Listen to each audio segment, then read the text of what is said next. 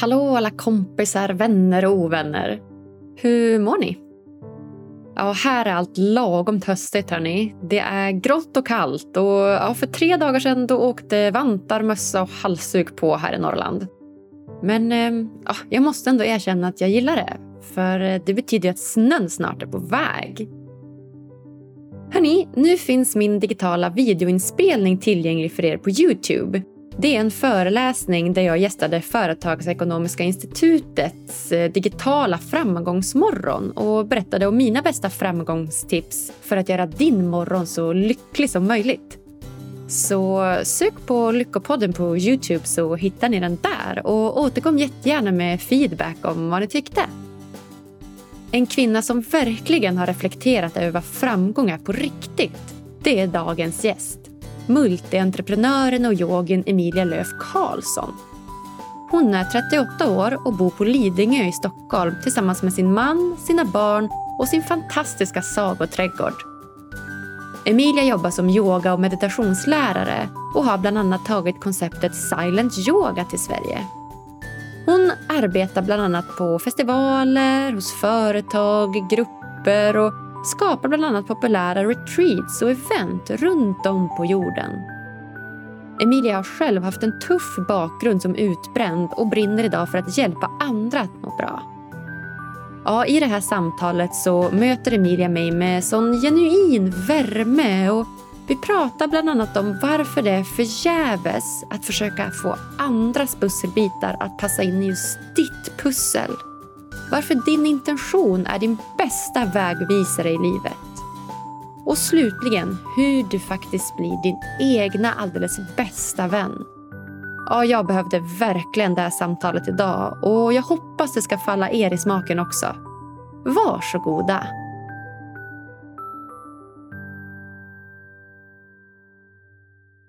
Hjärtligt välkommen till Lyckopodden, Emilia Löv Karlsson. Tack så mycket. Wow, Emilia, härligt att ha dig här. Tack snälla för att du ville gästa mig. Så roligt att få gästa dig. Du gör en fantastisk podd. Ah, tack snälla. Vad kul att du säger det. Ja, den, jag älskar den här podden. Jag tycker att det är världens bästa podd.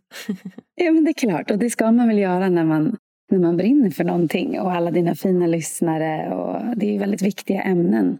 Och viktigare nu än någonsin, ska vi väl säga. Verkligen. Vi har haft en lång pandemi bakom oss och jag kan tänka mig att både ensamheten och isoleringen har satt sina spår. Det tycker åtminstone jag. Så att eh, det är skönt att det börjar återgå till det normala mer och mer i vart fall. Ja, och så samtidigt så känner jag i alla fall i mina möten med människor att det är allt annat än normalt just nu. Att det vi hoppades på skulle vara en pandemi som helt plötsligt bara skulle ja, vi skulle få våra sprutor och allt skulle återgå till det normala. Men jag tycker att jag möter mycket människor som nästan är mer chock nu än vad de var när pandemin faktiskt pågick. Jag vet inte hur du känner med det. Mm. Ja, men det jag kan lägga märke till är väl fortfarande hur, hur vi har men alltså hur vi har anpassat oss efter pandemin och att vi har mer avstånd, att vi fortfarande frågar typ så här, vill du hälsa eller vill du kramas eller hur hälsar vi? Och, eh, vi pratade igår om, om roliga fester vi hade varit på tidigare. Och då, ja, men just de här festerna så, så är man oftast väldigt mycket folk och ofta så kan man ju ja, men, man dricker lite alkohol och tappar lite omdömet och man kunde ju vara, du vet, om man hade en nollning så kunde man vara så här ja, men 40 pers, liksom mer 100 pers i liksom samma, samma omgivning. Och så hade man så här lekar, du vet, där man skulle typ ha någon, ja det här var ganska extremt, man skulle ha surströmming i munnen och så skulle man då ge den här surströmmingen till en annan person då från munnen och så till nästa oh, person. då, I Stockholm så... har vi råa ägg. Men... ja, här har vi tydligen surströmming. Det känns som att det luktar lite mindre men, men gav samma effekt. Ja, Nej, men, det har ju blivit annorlunda, så är det ju. Och jag tror att när vi berättar för våra barn och barnbarn om den här tiden så är det nog vissa saker som kommer vara väldigt annorlunda. Mm, ja men verkligen. Men vi ska, inte, vi ska inte heller se allt det där äh, sorgliga utan apropå namnet på din podd så handlar det om att vi faktiskt behöver skifta våran tanke och skifta vårt sätt att, att liksom bemöta de här tankarna som vi får och som vi också möter när vi träffar andra människor som känner frustration och, och, är lite arga eller ledsna eller framförallt rädda. För rädsla är ju en, ett väldigt litet trångt utrymme som väldigt många gärna trycker in sig i oavsett om det är pandemi eller inte.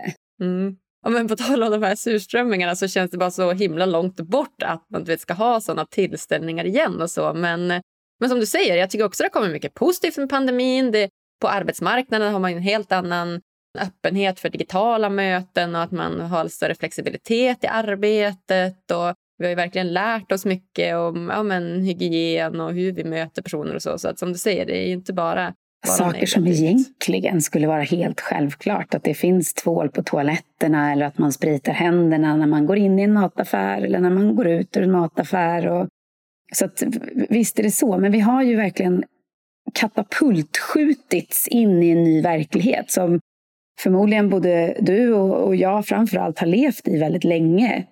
Jag har alltid varit väldigt noga, jag kommer från en läkarfamilj, så vi har alltid varit väldigt noga med, med hygienen och även lätt hypokondrisk, vilket man ofta blir när man är, när man är barn till läkare. Och genom de åren så har man ju läst väldigt mycket och lärt sig väldigt mycket om hur bakterier och virus rör sig. Så att jag har alltid varit väldigt liksom, noga med sånt. Samtidigt som också det har blivit den här digitala acceptansen som jag också har jobbat i sen, sen jag i stort sett gick ut gymnasiet. Jag har alltid jobbat på nätet.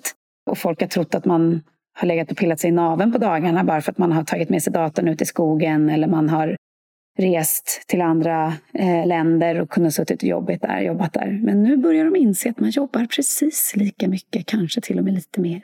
mm, visst är det spännande? Jag håller helt med. Jag tycker det är så roligt.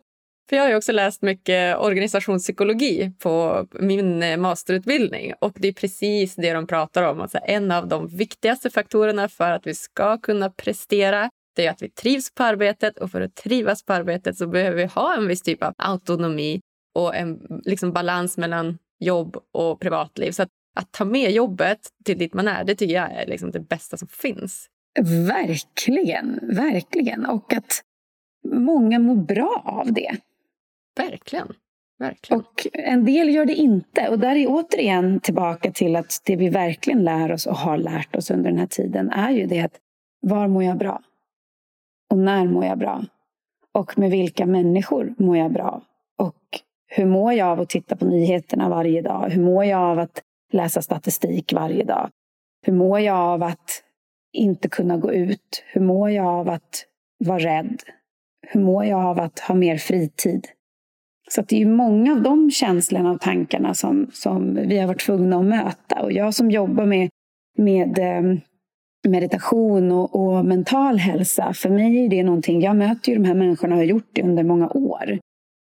Men nu är det som att hela ett kollektiv, det vill säga hela jordklotet, har blivit tvungna att möta det här mörkret som vi alla går omkring och bär på och hanterar på olika sätt. Vad händer när jag inte kan gå till krogen och dränka mina sorger eller min glädje i alkohol? Vad händer när jag inte kan göra mitt missbruk inom alkohol eller sex eller bekräftelse eller vad det nu är för någonting? Och vem, vem är jag då? Det är stora frågor. alltså. Det är stora frågor. Och som sagt, den här omställningen har säkert fått många av oss att fundera i de banorna.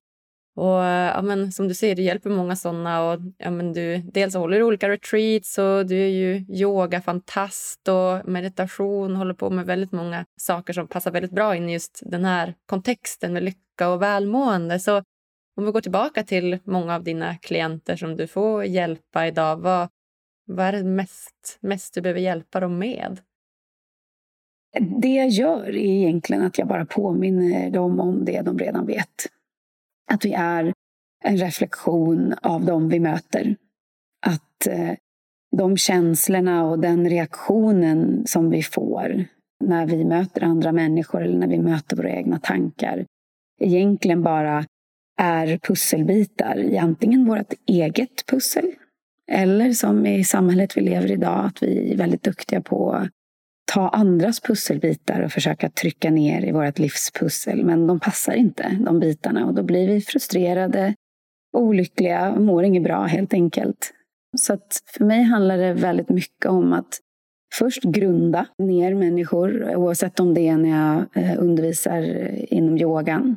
Där jag har tagit in ett koncept som heter silent yoga till Sverige som eh, fungerar som silent disco, som en del vet vad det är, där man använder hörlurar. Och silent yoga är ganska stort i USA, i Kalifornien, i New York, finns också i Australien, Tyskland, på lite andra platser på jorden. Och vad man gör då är att du sätter på människor hörlurar. Sen är det musik och min röst som guidar dem. Men det gör också att du kopplar bort allt runt omkring. Vilket gör att det är ett väldigt effektivt sätt att verkligen nå hela vägen in. På samma sätt som nu när folk sitter och lyssnar på den här podden och kanske har hörlurar på sig. Så känns det som att du och jag sitter där med dem. Och det är ett väldigt enkelt sätt, eller ett billigt sätt säger jag med fingrarna i situationstecken, att eh, snabbt lära människor att praktisera här och nu. Att inte bli påverkad av ljud runt omkring. Och med hjälp av det så försöker jag grunda ner dem i eh, yogans rörelser. Alla kan yoga. Det har ingenting att göra med den eh, paketeringen som västvärlden har lagt in med liksom yogastudios och tajta byxor och att du måste vara för detta gymnast eller att du måste ha den där mattan eller de där kramarna som alla ger eller att du måste hålla på med rökelser eller cleansing eller vad det än är. Utan yoga är över 4000 år gammal och handlar om att du rör kroppen på ett visst sätt. Vilket gör att du frigör syre till dina muskler och till din hjärna. Vilket gör att hjärtat och andningen, pranayama, då, livsenergin som vi har, andningen, får en möjlighet att faktiskt landa i din kropp och inte bara huvudet. Och det här gör då att du successivt mår bättre och eh, står mer jordad ner på marken. Så med yogan så är det ett effektivt sätt att, att liksom grunda människor. Men eh, jag kan lika gärna göra det att jag bara ställer upp dem i det som kallas mountain pose. Där du står helt enkelt grundad med fötterna ner. Handflatorna är mot framtiden som du inte vet någonting om. Och så kan jag låta dem stå där.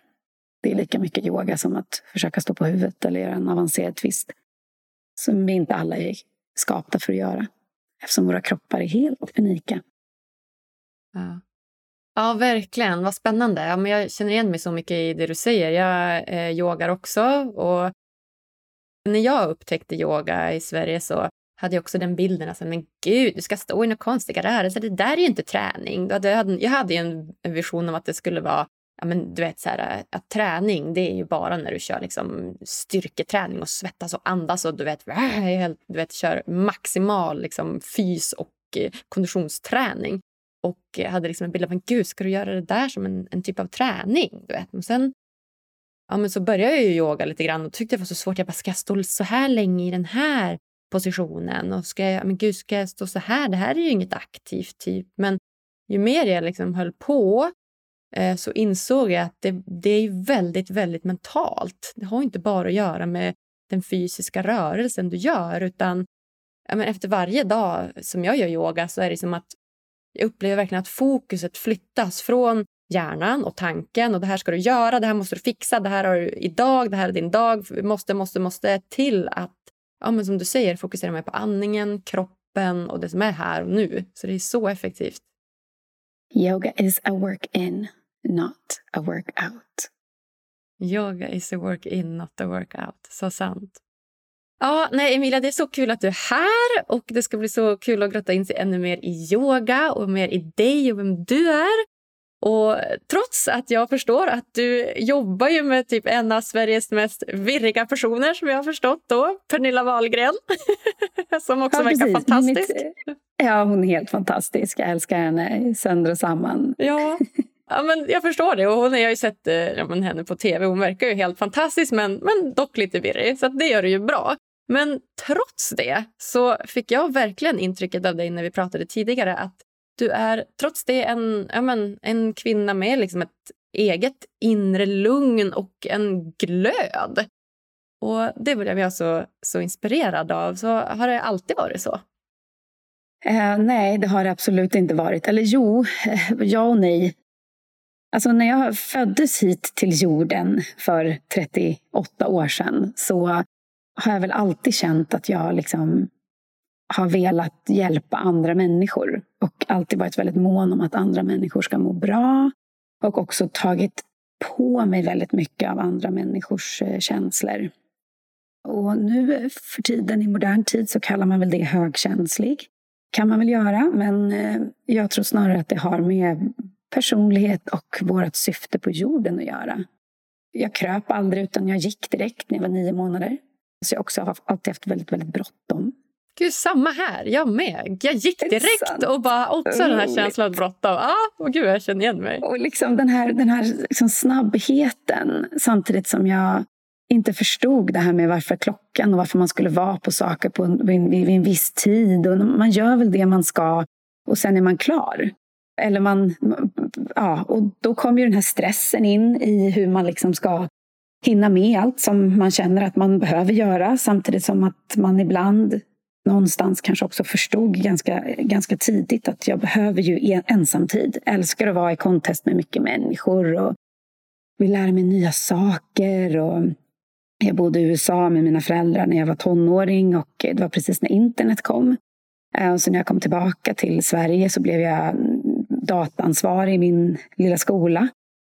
Då var jag ganska ung, men blev ju otroligt förälskad i hela liksom, digitaliseringen och eh, har alltid älskat ordets kraft och hur man kan påverka människor med, eh, med text, musik, sång, böcker och så. Men där någonstans så gör man ju som man gör när man är människa, att man inte riktigt, man inte riktigt vet. Utan man bara samlar på sig allt, allt, allt. Man tar in allt i sin famn. Och man vill hjälpa alla och man vill vara bra överallt. Högpresterande, kort, aldrig riktigt blivit tagen på allvar av de som är lite äldre. Medan ens jämnåriga kanske inte riktigt har förstått vem man är och hur man fungerar. Vilket ibland har lett till eh, ganska mycket osköna människor i ens egen ålder. Som varit ganska taskiga och, och eh, utfrysande på deras olika sätt. Medan de äldre har tagit in en. Men också då kanske har varit ganska tuffa i sin jargong. Och eh, det gör att man blir ganska tuff och får ganska mycket skinn på näsan. Sen när jag var 26, då var jag småbarnsmamma. Jobbade flera heltidsjobb, drev flera egna företag och eh, kraschade på köksgolvet. Och när jag gjorde det så hade jag ju redan allt man kan tänka sig i de yttre faktorerna. Och eh, ingen såg.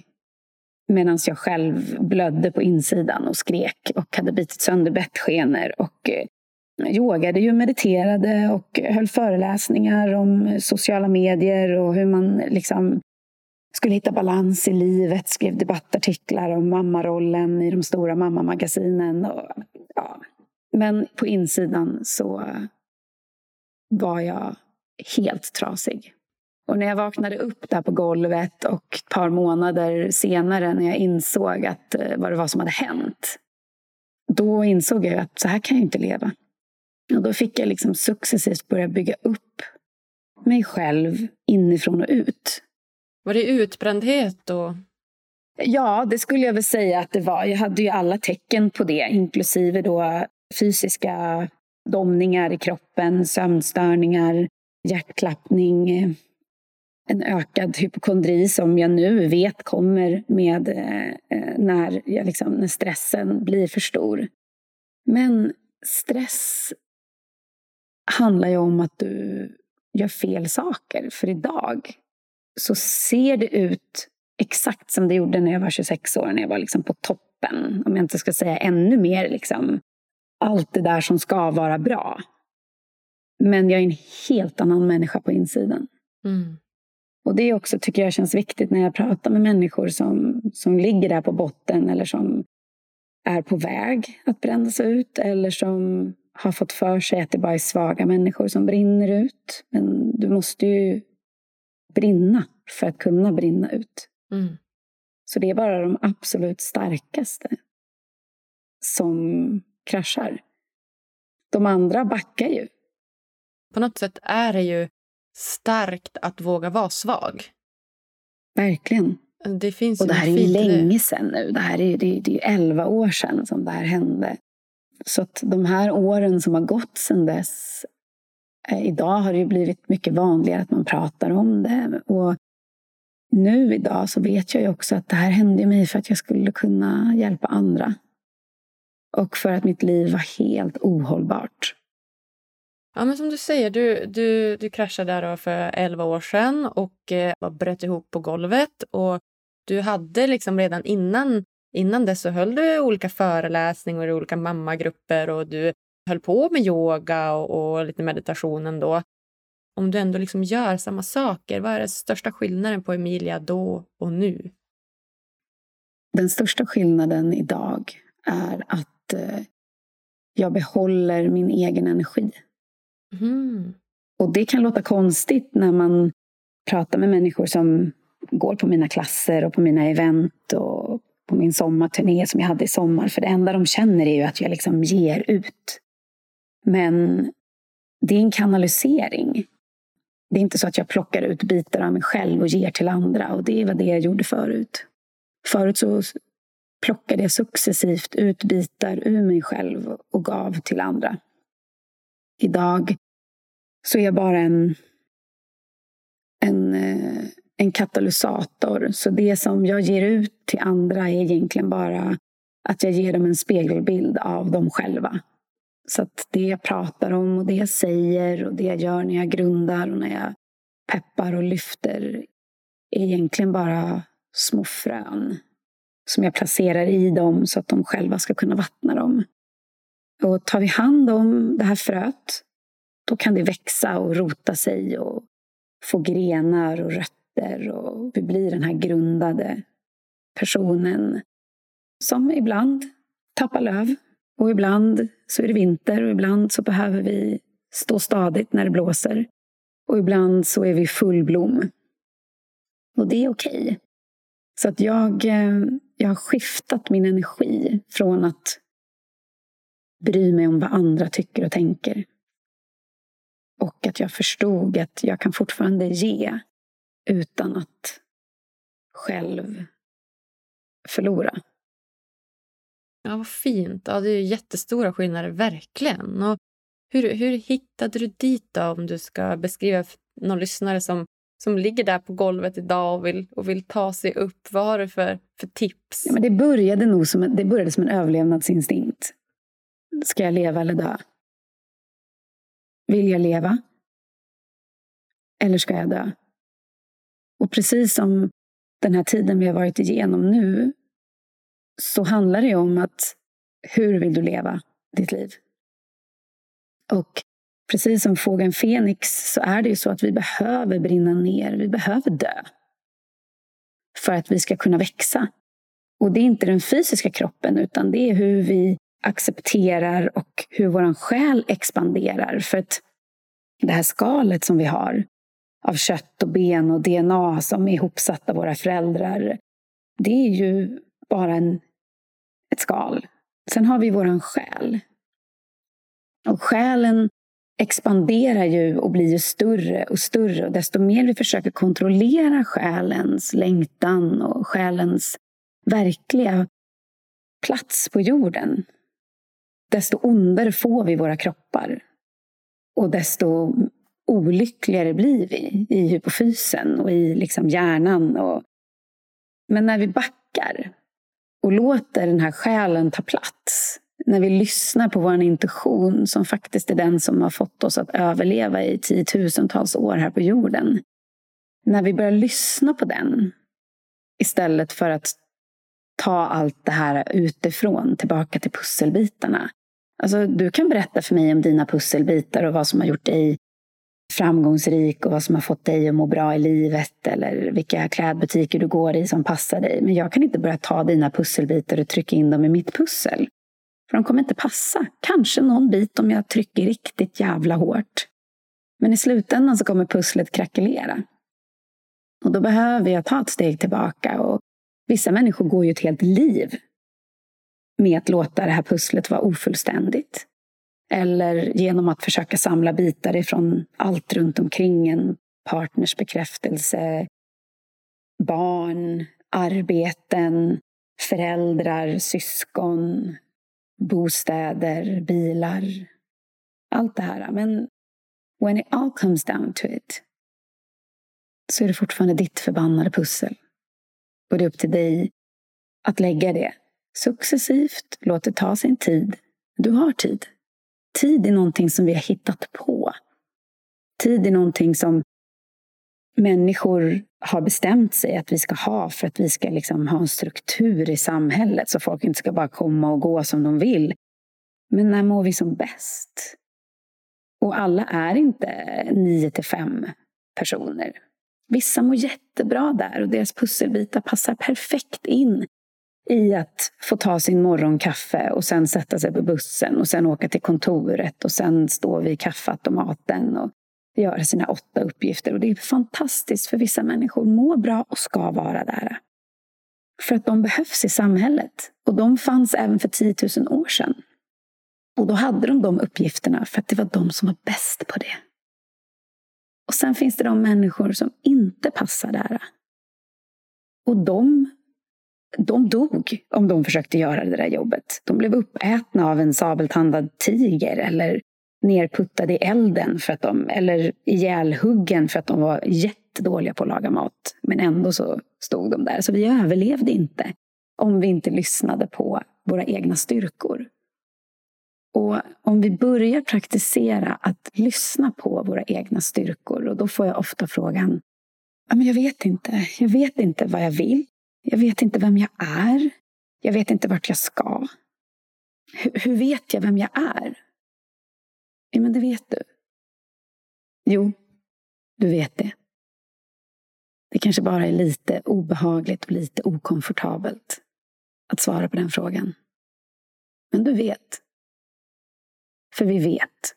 Om vi verkligen, verkligen tar några djupa andetag och öppnar de där dörrarna som vi genom livet har lärt oss att stänga inuti kroppen och vi liksom öppnar de dörrarna och låter vädra ut dem. Kliver in i mörkret, tar ett djupt andetag, går rakt igenom mörkret, fram till fönstret, borstar bort dammet ifrån handtaget, öppnar fönstret, låter den friska vinden blåsa igenom rummet, öppnar ögonen och inser att det finns inget farligt här. Det finns bara någonting som kan expandera och bli bättre för rädsla är det absolut trångaste, minsta rummet vi har. Och vi förtjänar att leva i större, luftigare och bättre rum. Ja, men verkligen. Så himla fint sagt. Det, vilken bra metafor. Det var nästan så att jag själv började blunda och tänka mig in i det här mörka rummet och borstade bort smutsen på handtaget och öppnade. Det var väldigt så här, målande. Verkligen. Så bra. men Säg då att, eh, som du säger, lyssna till, till, din intention och det du vill och att det är viktigt att försöka men, då grunda sig till exempel då genom yogan. Men säg att eh, ja, men, vi har ju en väldigt välfungerande hjärna som är väldigt utvecklad och som försöker prata till oss hela, hela tiden.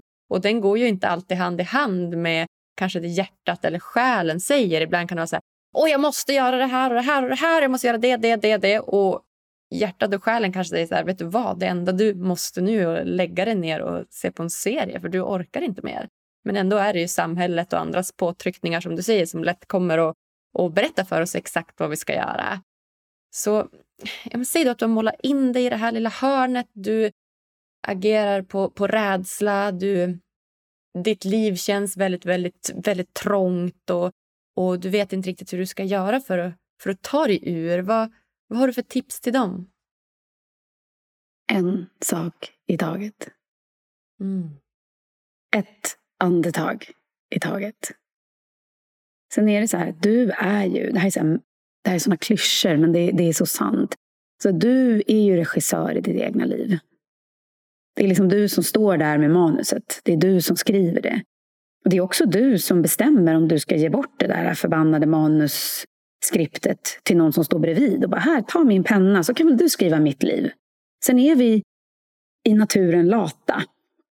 Men det är inte samma sak som att vi alltid ska välja den enklaste vägen. För återigen tillbaka till att vi vet egentligen vilken pusselbit som är rätt. Och säg att du vaknar varje morgon och har ångest över att du har en massa räkningar du ska betala, till exempel. Eller att du har köpt en massa saker på kredit eller att du eh, lever i en relation som du inte vill leva i. Men du måste det för att du faktiskt inte har råd att separera. För att då skulle du hamna i en, i en etta någonstans där du absolut inte vill leva. Eller vad det än är. Då är det återigen så här, ja, men okej, ett, hur hamnade jag här? Ja, men det var ju, det var ju tokigt. Jag gjorde massa val. Klickade hem en massa saker som jag egentligen inte behöver. Eller ja, vad det än är. Men då får man ta en sak i taget. Då kanske man får börja göra en avbetalningsplan. Och så får man se till att man inte kan och fortsätter att köpa saker på kredit. Och är det så att man lever i en olycklig relation, då får man antingen prata med sin partner, kommunicera. Och känner man att det inte fungerar, då är det upp till dig att ta de stegen som du behöver göra. För att det är när vi går utanför den där comfort zonen som vi kan expandera. Och ja, det kan gå lite snabbt i nedförsbacken ett tag. Och du snubblar och du kan få sårskorpor på knäna. Precis som när vi lär oss cykla eller när vi lär oss gå eller när vi försökte lära oss ett nytt språk. Vuxna idag, de ger ju upp direkt. Vi provar inte ens en gång. Vi är också väldigt duktiga på att säga till våra barn, ja men det är klart du ska göra det. Eller är vi kanske ännu bättre på att säga till dem att de inte ska göra saker? Och det är därför som vi blir de där vuxna som aldrig tar det där extra steget. Som inte stannar upp på gatan och ser hur den där fjärilen flaxar förbi eller varför vi blir den där vuxna som helt plötsligt börjar bry oss om vilken bil grannen har köpt.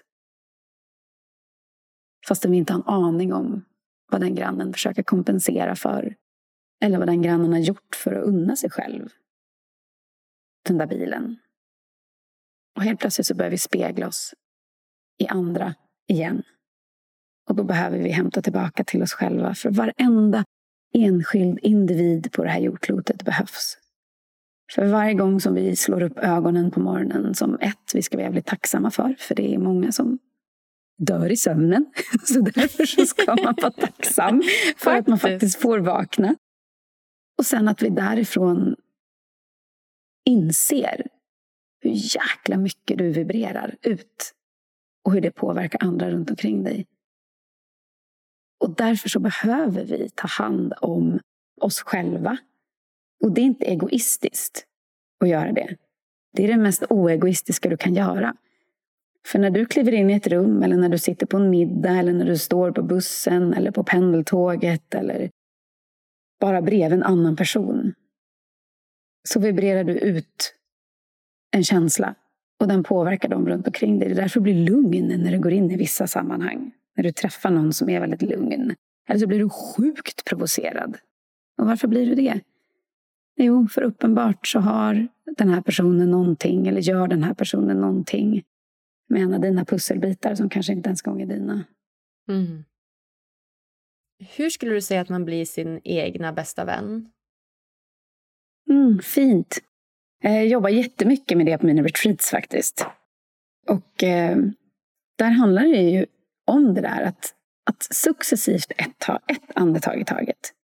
Ett steg i taget. Apropå hjärnan där, att vi ofta liksom gärna vill planera ett år eller en, börja med en vecka och sen ett år och sen liksom flera år. Och så man, liksom, man ser sig själv som 65 och det är en jävel som vet om du kommer bli 65. Vi vet inte hur livet ska bli och det har den här pandemin också gjort med oss. Att vi har lärt oss att vi vet faktiskt inte, vi kan inte planera så himla mycket. Och, och där handlar det ju väldigt mycket om att vad kan jag göra idag? Vad, vad kan jag säga till mig själv? Hur kan jag ta hand om mig själv idag? Och hur kan jag vara snäll emot mig själv idag? Så när den där tanken kommer i badrumsspegeln på morgonen som vill kritisera ett öga eller en, en haka eller en mage eller ett ben. Eller vad det nu än är. Så säger du till dig själv att nej men vänta nu. Jag står ju faktiskt här. Och hon finns alltid där och han finns alltid där, din bästa vän. Men det är så lätt att vi ignorerar. Så att om du tar det här steget tillbaka och bara, fast om jag ska tänka en annan tanke runt det här. Hur ska jag tänka då? Att man liksom flip the coin och vänder på myntet. Och det är tungt och det är, liksom, det är en övning, det är en praktik som du får göra liksom, i huvudet. Och hey, I fail all the time. Men det är ju det som det är att vara mänsklig. Men desto mer du praktiserar, desto lättare blir det. Precis som när du lärde dig cykla. Inte fan gav du upp. Nej, och det är samma sak med det här. att Vi behöver vara vår, vår egna absolut bästa vän. Och det är återigen, det handlar inte om att vara egoistisk och att allt cirkulerar runt dig. Utan det handlar om att stå stadigt för att vara en så god förebild som möjligt emot dem som du älskar runt omkring dig. Mm.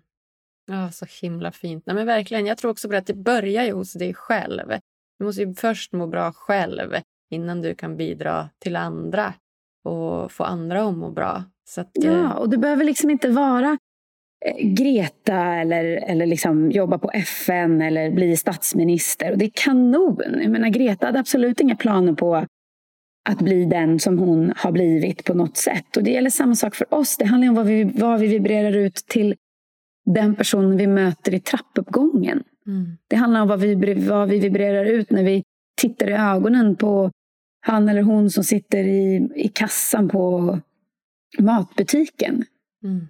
Det handlar om vem du är när du lyfter upp en liten skalbagge från marken. Eller när du liksom tänker en tanke, en taskig tanke mot någon som är utåt sett snyggare än dig eller den där bilen eller när du väljer att inte snacka skit om någon. Eller när du sitter vid ett bord och hör andra skvallra och du väljer att inte vara delaktig. Eller väljer att säga så här, vet ni vad? Jag tycker det här är lite lågfrekvensigt. Kan vi inte prata om någonting mer?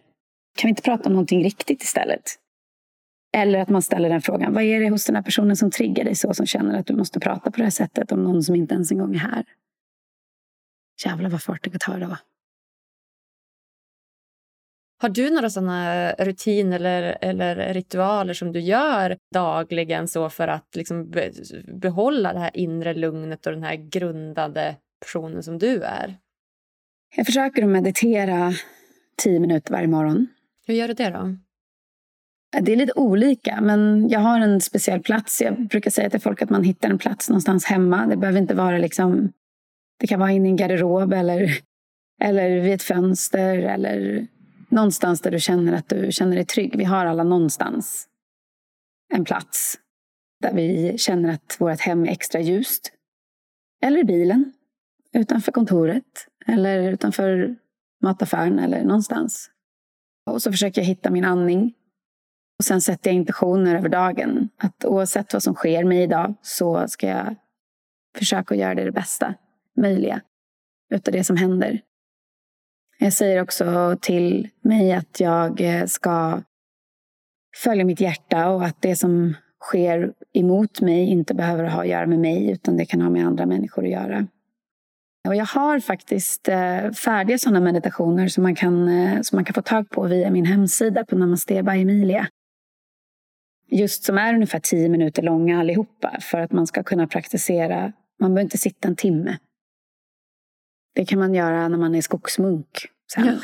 ja, det kan vara nog utmanande med tio minuter. Alltså varenda Verkligen. sekund blir Verkligen. så jäkla mycket längre. Så, mm. definitivt. Så att, um, det försöker jag göra varje morgon.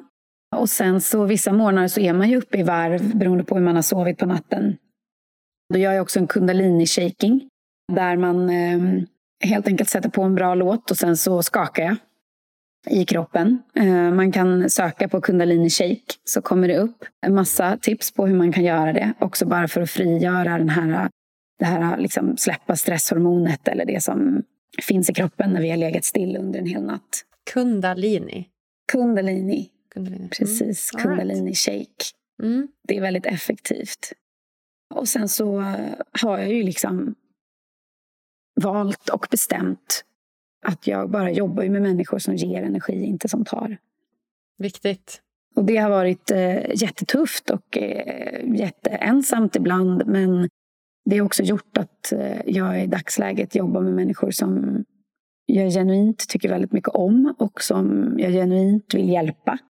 Och som jag genuint mår bra av att vara med. Och det är ett av de aktiva valen. Och när man insåg att jag behöver inte den där bekräftelsen utifrån genom att ha den där titeln på det där värstingbolaget eller jobba med 50 influencers eller vad det nu är. Utan jag har det jag behöver för att må bra. Mm. Och det räcker. Och det är återigen det här liksom mantrat att man repeterar. Vad behöver jag för att må bra? För det vet vi. Vi vet det.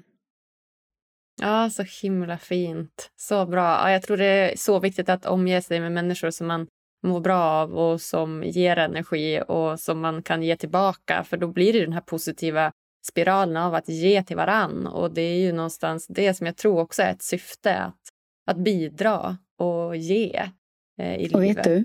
Vadå? Ibland mm. behöver vi också bara vara ensamma. Mm. Och det är okej. Okay. Ja. För har vi inte de där människorna runt omkring oss, då kanske vi behöver vara ensamma en stund. Och sen kanske bestämma oss för att hitta nya. Jag skrev för något, några år sedan så skrev jag i min eh, journal, så dagbok som jag också så försöker praktisera att skriva i varje dag. Det går sådär, men det är viktigt. Och då skrev jag att jag, eh, jag vill ha nya vänner. Skrev jag. Och i samma sekund som jag hade skrivit det så fick jag också otroligt dåligt samvete för alla mina fantastiska vänner som jag hade och har. Men sen när jag satt i den obehagliga känslan, vilket också är viktigt och ett bra tips, det är att när du får en obehaglig känsla, sitt i den en stund, så går det över. Det går över. Istället för att springa vidare eller försöka hitta någonting som ska distrahera dig. Utan sitt i känslan. Och då insåg jag att nej, men det här har ingenting med mina kompisar att göra. Utan det här har ju med min själ som vill expandera att göra. Det här har ju med att jag behöver en annan typ av människor i mitt liv också. För att jag ska kunna utvecklas. Och vad som hände då var att inom ett par veckor så börjar de här människorna poppa upp. De här nya människorna från ingenstans. Och då blev det nästan skrattretande att att jag var så här, skrev jag verkligen det där? Är det någon som har tjuvläst det jag skrev? Eller är det så här det funkar? Att universum alltid jobbar in your favor, även när du inte tror det. Om du bara vågar släppa ut det och vågar tro på det. Mm. Oh, wow, vad härligt. Det här behövde verkligen jag höra också, känner jag. är lite pepp för dagen. Att, ja, jag tror på det. Lite law attraction. Att det du vill och det du vågar släppa ut, det kommer komma till dig. Lita ja, på det. och att säga det. Att liksom våga. Jag menar, det här var också en incident där jag faktiskt träffade några av mina absolut bästa vänner på ett tyst retreat. Så att jag fick de här vännerna som jag hade bett om i tystnad. Så när vi bröt tystnaden så var vi supernära. Och det var också så galet. Att jag inte ens en gång hade behövt vara den där Emilia eller jag behövde inte ens en gång vara den där personen som jag trodde att jag behövde vara för att någon skulle tycka om mig. Utan de hade bara känt min närvaro och mitt stöd och det vi hade upplevt tillsammans och det räckte. Så att våga be om nya vänner eller våga sträcka ut handen och säga så här Hej, jag känner inte dig så himla bra men du känns sjukt skön så jag skulle gärna vilja träffa dig. Eller ska vi Ta en middag med fyra personer som du i vanliga fall aldrig skulle bjuda på middag. Eller eh, liksom våga ta de där stegen. Och inte anstränga dig så förbaskat. För vi anstränger oss så mycket. Vi behöver inte göra det. För du är bra precis som du är. Mm. Precis som du är. Så himla bra. Verkligen, Emilia. Oh, vad fint. Vilket eh, peptalk det här blev. Vad härligt. Jag hoppas att lyssnarna ska, ska tycka samma. Jag tänker att vi ska gå in på de sista frågorna här innan vi lämnar varann för idag, du och jag. Och eh, Den första frågan är ju då, vad gör dig riktigt lycklig? Jag är som allra lyckligast när jag är i hundraprocentig balans med min kropp och min själ. Oftast så sitter jag på en strand eller på en klippa det kan snöa, det kan regna, det kan vara sol. Och jag badar. Då känner jag, eller jag sitter på min meditationskudde och ser ut över min lilla sagotomt som är fylld av diverse olika speglar och små, små träd och blommor och, och en salig röra och bara sitter där och, och andas och känner att jag verkligen är här och nu i stunden. Det enda som faktiskt existerar. Mm. Mm. Ja, vilket bra svar. Verkligen. Tillbaka till nuet. Yes. Och eh, nu har vi varit inne på det lite grann här, men vilket, vilket är ditt allra bästa lyckotips? Mitt allra bästa lyckotips det är att ta ett djupt andetag in genom näsan hela vägen ner i bröstkorgen. Ner i magen. Tillåter sig själv att möta de där rädslorna som oftast bara är skapade. Titta på sina ärr. Titta på sina sår. Och förlåta de människorna som har varit bidragande till att de finns.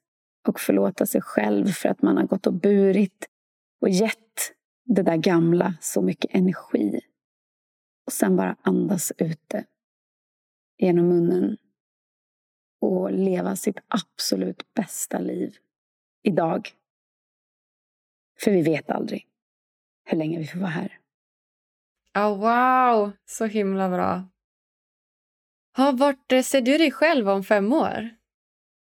Om fem år så mår jag bra.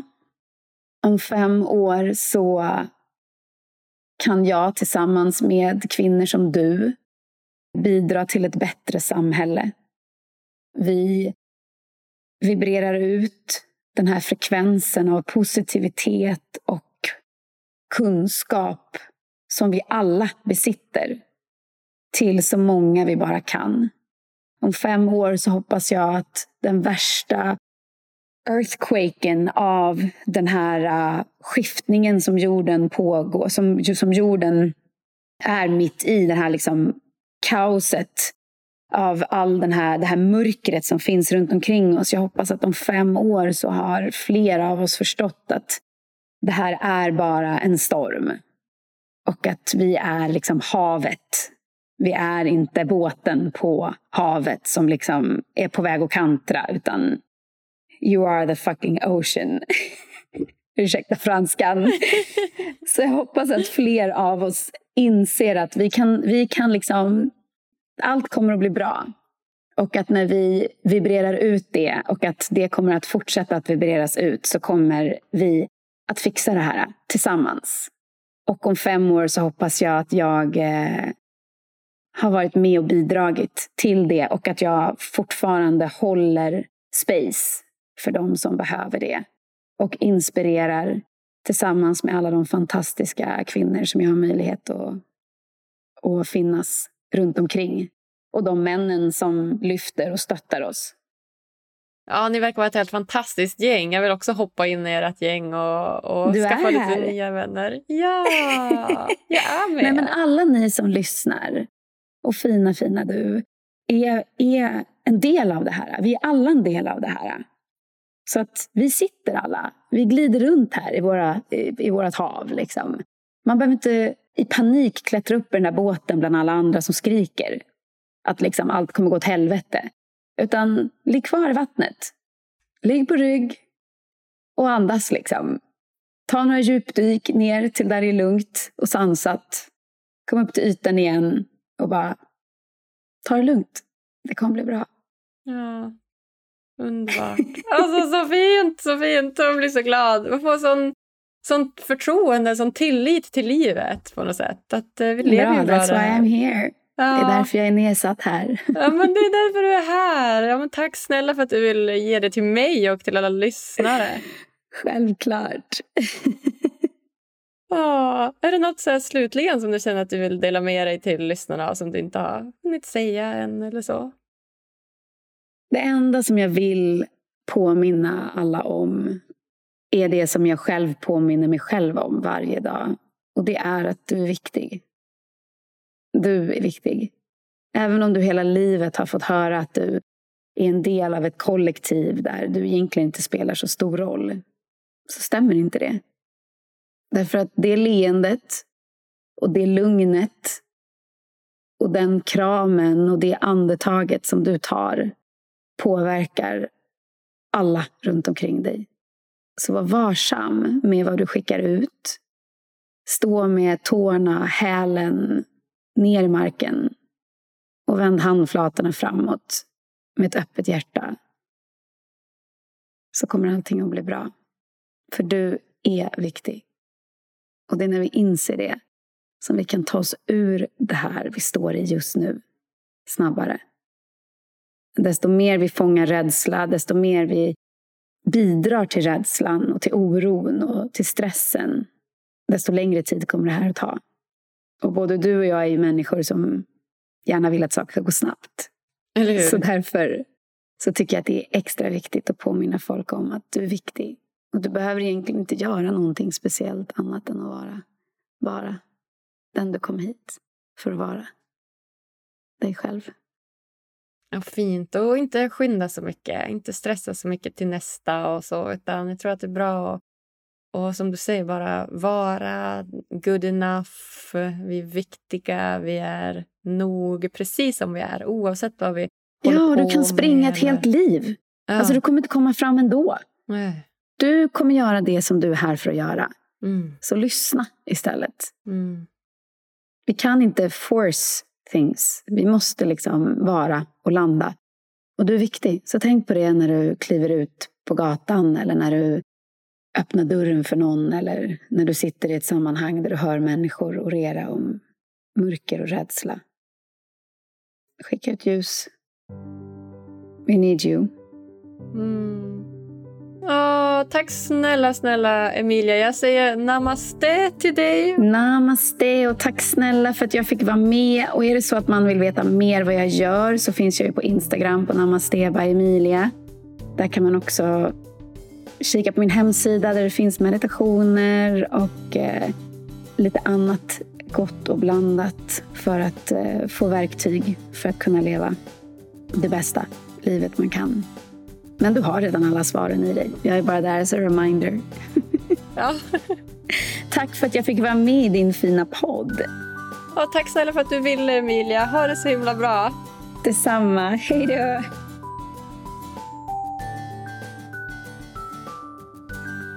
Fina, fina Emilia. Vilken hälsoinspiratör hon är. Ja, hennes ord betyder verkligen något och jag tar till mig vartenda ett av dem. Jag är värdefull. Jag är älskad. Och jag duger precis som jag är. Och det gör du också. Blev du lika inspirerad som jag? Ja, då tycker jag att du ska gå in på iTunes eller Podcaster och prenumerera på podden. Följ oss också jättegärna på sociala medier. Lyckopodden heter vi där. Och glöm inte att kolla in min senaste digitala föreläsning som nu ligger uppe på Youtube.